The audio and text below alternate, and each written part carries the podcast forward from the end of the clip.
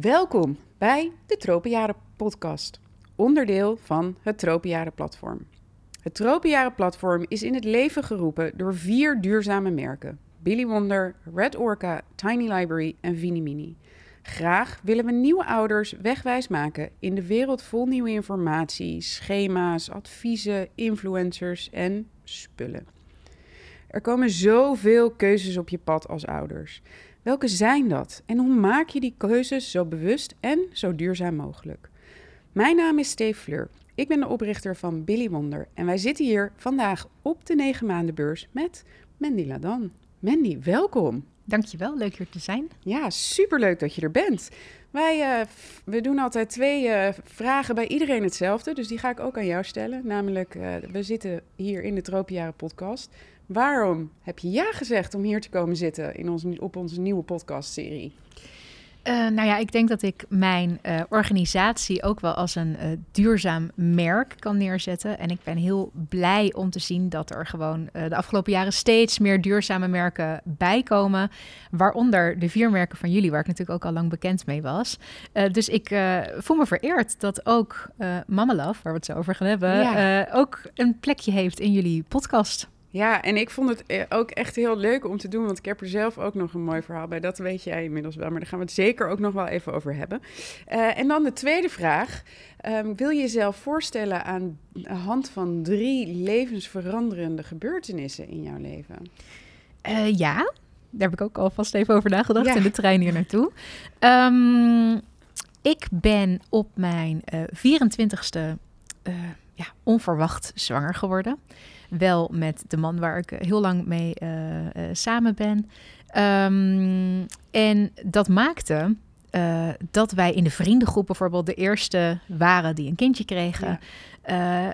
toevallig ook in de familie waren we ook de eerste.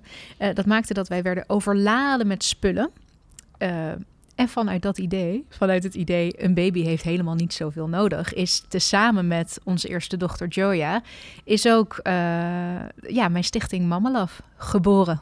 Ja, dus dat is een behoorlijk levensveranderend moment. Ja. Uh, sowieso het moederschap. Hè? Dus ja. ik werd moeder, maar um, ja, er kwam eigenlijk ook uh, een missie ter wereld op dat moment.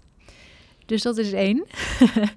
um, het tweede moment is, uh, denk ik, toch wel vrij vers in mijn geheugen nog. Dat is dat wij uh, vorig jaar januari met het gezin naar Mexico zijn vertrokken. Wow. Uh, mijn dochters waren toen acht en tien. En dat was dus echt zo'n droom die uitkwam, waarvan ik ja, waarvan ik denk dat er heel veel mensen mee rondlopen om gewoon voor langere tijd met je kinderen uh, een ander leven in een ander land te ervaren. Ja. En hoe lang hebben jullie er gezeten? Uh, zeven maanden. Zeven maanden, ja. Dat is ja. wel een mooie periode ook. En ja. ja. en vooral nou ja, met de meiden die zo bewust zijn uh, van het leven. En om ze echt een ander leven even ja. tijdelijk te geven.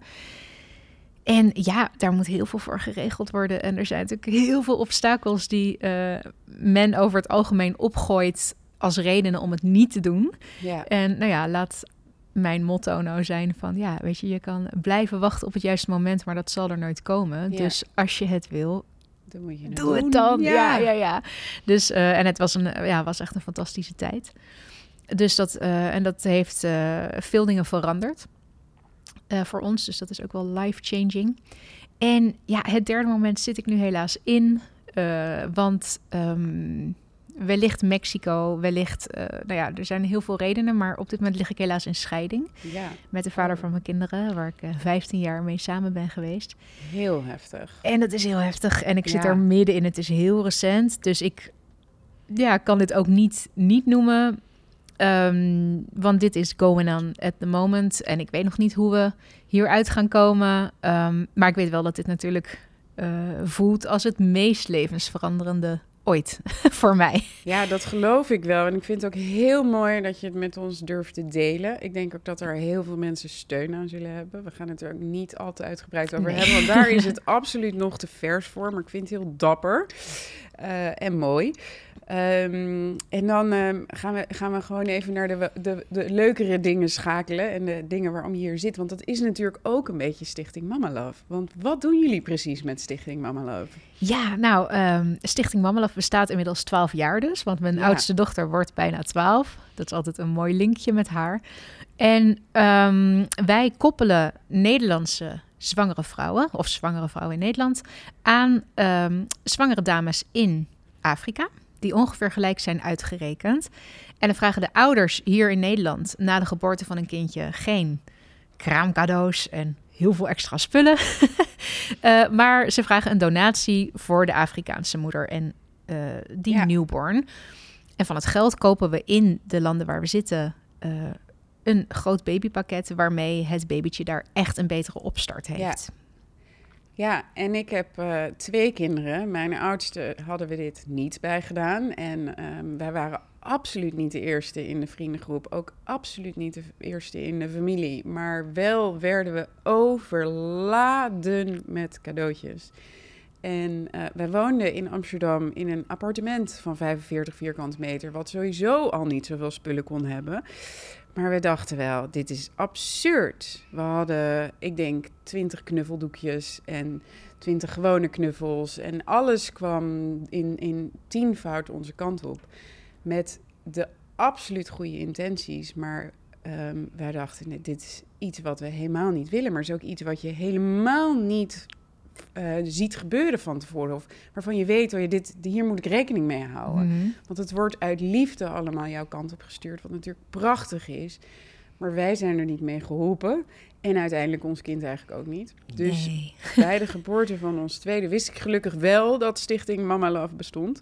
Dus wij hebben dat gedaan met onze dochter. En uh, veel minder spullen gekregen. En volgens mij drie moeders daar heel gelukkig, hoop ik. Ja, ik heb het niet uh, gecheckt. Nee, nou, ik vond het uh, absoluut waanzinnig. Want al die spullen heb je uiteindelijk gewoon niet echt nodig. Zeker niet. En je baby uh, heeft er helemaal geen weet van natuurlijk. Nee. zorg, aandacht en liefde en voeding is denk ik gewoon ja. de prioriteit.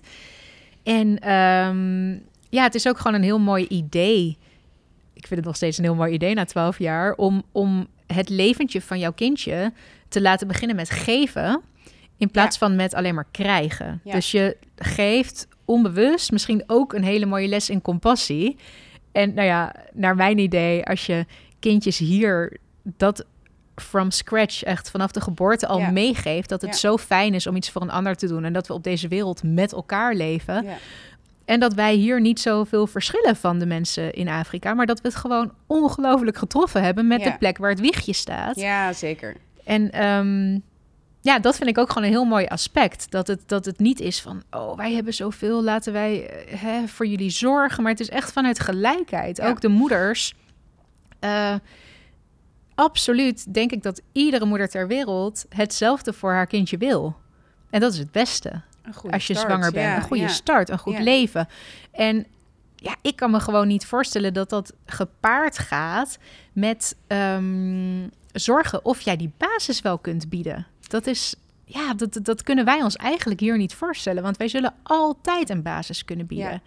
En natuurlijk heb je in Nederland hè, ook moeders waarvoor dat lastiger is. Maar de voorzieningen die wij hier hebben maken dat er hier eigenlijk altijd een basis geboden kan worden. En daar uh, in de landen waar we zitten, in acht Afrikaanse landen, daar is dat gewoon uh, heel anders. En uh, als jullie dan een pakket aan zo'n moeder geven er in Afrika, wat, wat zit er dan in? Als in, wat heb je nou eigenlijk dus echt nodig? Want dat ja, jullie geven de basis. Wat is de basis dat dan? klopt. nou ja, dat we daar heel veel van kunnen leren hier. Zeker. Het, het, zijn ook dingen verschillend omdat wij hier in Nederland zitten. Maar bijvoorbeeld daar is een klamboe ja. heel belangrijk en levensreddend. En ik weet dat dat daar volgens mij 7 US dollar kost. Uh, dus, en dat kunnen mensen al niet eens betalen. Ja. Um, de, de, de, de, doodsoorzaak bij kindjes onder de 1, of de grootste doodsoorzaak, dat is nog steeds um, dat ze malaria krijgen. Um, dus nou ja, je kan je voorstellen dat dat echt een, behoorlijke, een behoorlijk belangrijk basisproduct is. Maar verder ook uh, ja, een, een, een, een wasstel om het kindje in te wassen, dat hebben ze niet. Uh, uh, kleertjes, verzorgingsproducten, een dekentje. Ja. Hè, het is echt de basis, basis. En ze zijn er zo ontzettend blij mee. Ja, wat goed. Ja. En acht landen, zei je, gaf je aan. Welke landen zijn dat? Oeh, dan moet ik even heel snel uh, kijken of ik het on top of my mind heb. Um, Ghana, Namibië, Tanzania, Malawi, Zuid-Afrika, Guinea-Bissau, Liberia en Oeganda. Ja, acht. Wauw, mooi, mooi. En hebben jullie dan uh, aparte hubs daar zitten die, uh, die dat verzorgen of personen die daarbij helpen? Ja, we hebben in elk land één of meerdere contactpersonen. En nou, eigenlijk zijn we gewoon met elkaar. Het is bijna een soort van grote vriendengroep, zo voelt het. Maar we zijn met elkaar Team Mama Love. En uh, de mensen daar, wat vaak locals zijn, die bepalen ook welke moeders er in aanmerking komen voor zo'n Mama Love pakket. Want in um, nou, bijvoorbeeld een land als Ghana. Uh, daar is niet overal armoede. Nee. Uh, maar als je een land als Liberia hebt, ja, daar kan eigenlijk iedereen het gebruiken. Maar ik vertrouw die contactpersonen ook 100% dat zij kijken uh, welke moeder de hulp het hardst nodig heeft. Ja. En wat was voor jou dan hier in Nederland essentieel in je tropenjaren als ouder?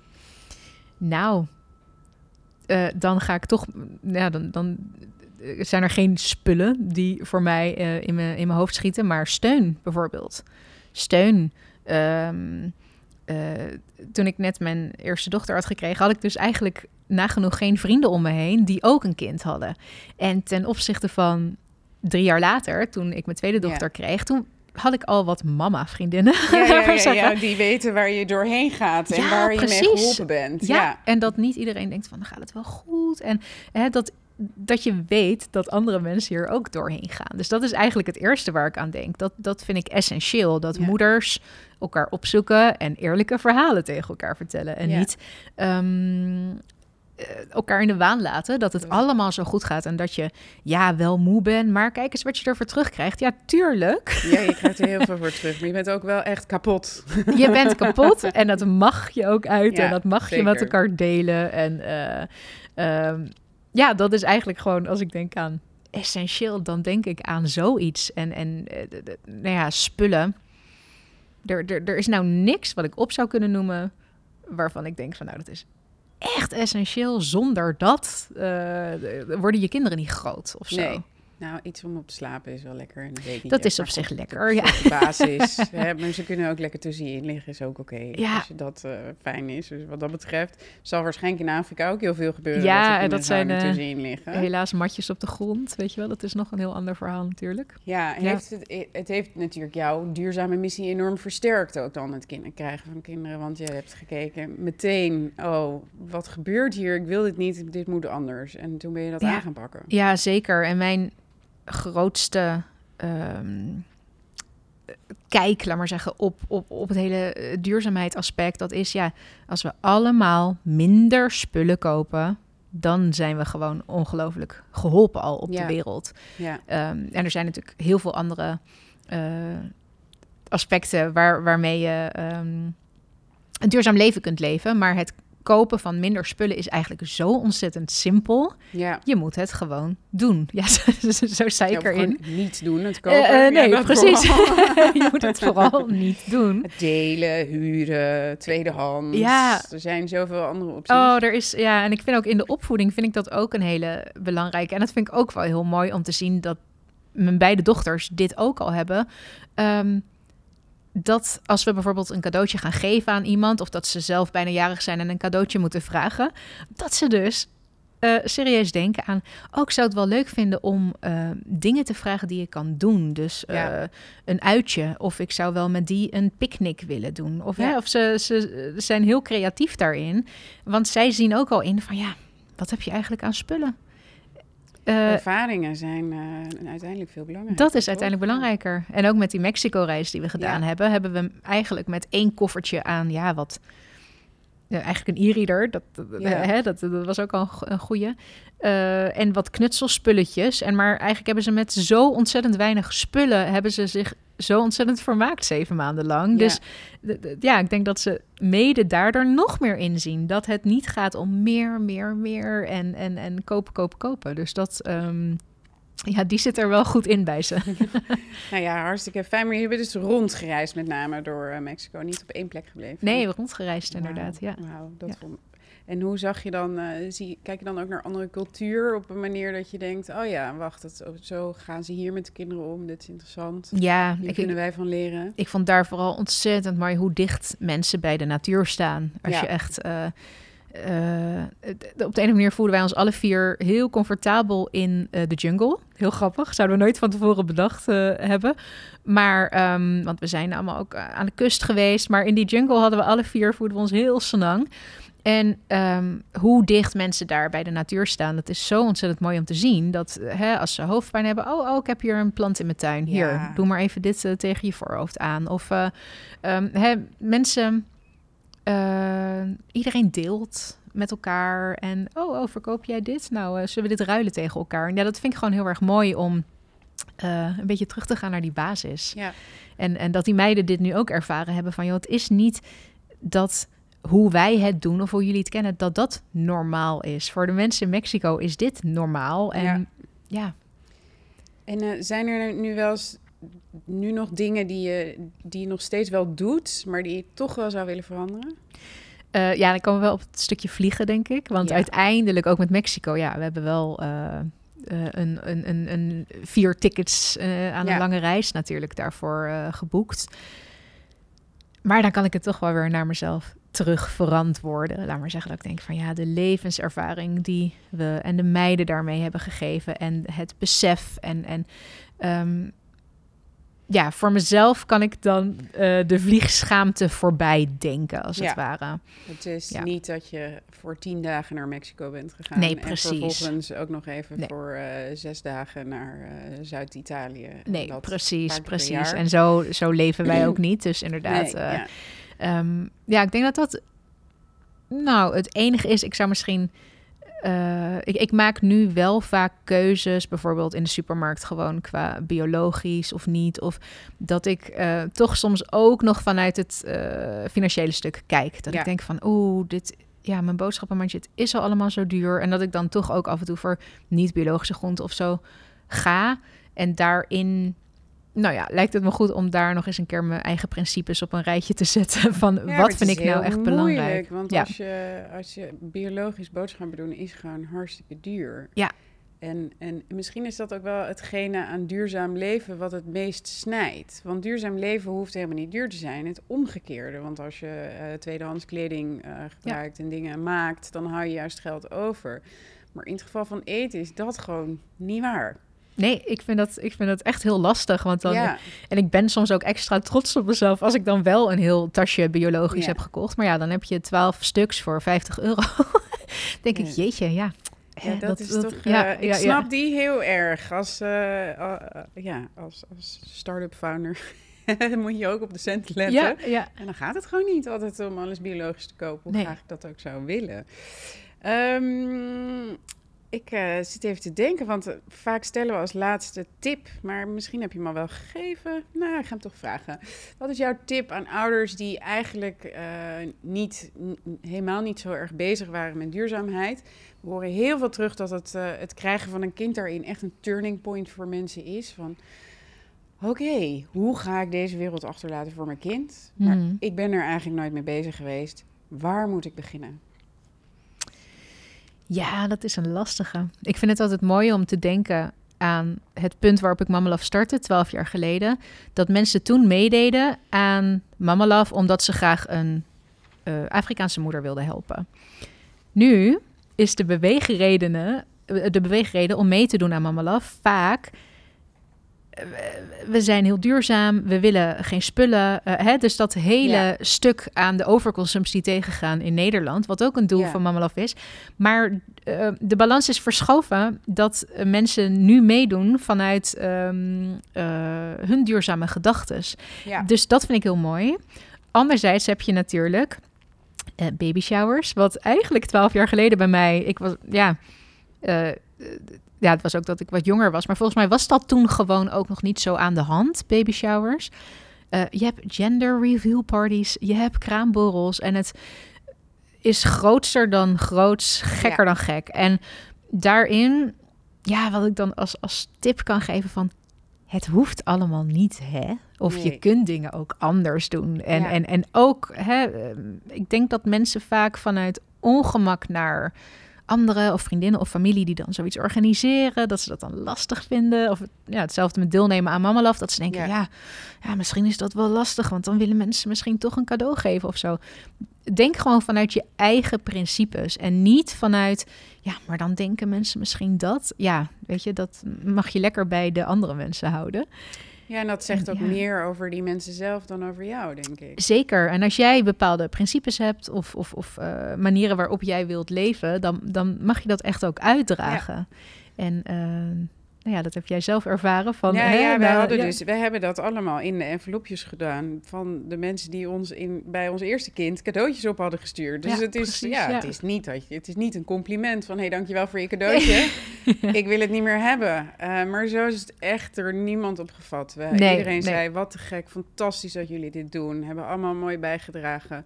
Dus nee, dat, nee maar daar, ik maak me daar niet zo zorgen om. Ik kan me voorstellen dat je dat, je dat wel hebt. Um, ik kan bij deze zeggen dat het heel goed ontvangen zal worden. Ja, precies, precies. en wij deden ook een fotootje erbij met een kaartje met een verhaaltje over de moeders die ja, geholpen hadden. Ja. Nou, dat was heel leuk. Dus dat hebben we naar iedereen opgestuurd. Nou, dat vindt iedereen prachtig. Ja, en dan uh, ontneem je, je, nou ja, hè, want je kan denken je ontneemt de joy of giving, laat maar zeggen. Maar omdat mensen zien naar wie uh, naar welke moeder het gaat. En ze later ook weer die foto terug kunnen zien uh, van diezelfde moeder met haar babytje, met de spullen. Dat maakt dat, ja, dat is pas joy of giving. In dat, mijn optiek. En, en in ons geval, heel eerlijk, werden we eigenlijk een beetje opgezadeld met al die spullen. Want we hadden er helemaal geen ruimte voor. Nee, voor. Nee, nee, nee. Ze hebben heel veel allemaal zo meteen doorgegeven. Ja, dat is natuurlijk, dat is ook niet de reden waarom dat mensen dat hebben gedaan. Nee, precies. Dus, dus uh, nou, zeg het voort. Ik kan het alleen maar van harte aanraden. Leuk. Je wel voor dit gesprek. Dank je wel voor het opzetten van dit initiatief. Want ik denk dat het heel waardevol is. Misschien moeten we de variant uit gaan werken voor de baby showers en de gender reveal party. Precies. uh, dat we daar ook een mooie uh, sustainable mama love versie voor, voor komt. Um, voor de luisteraars, dankjewel voor het luisteren. Um, leuk dat je aanwezig bent uh, luisteren bij deze podcast. En uh, hou onze Instagram en Spotify in de gaten, want er volgen nog veel meer leuke en inspirerende podcasts.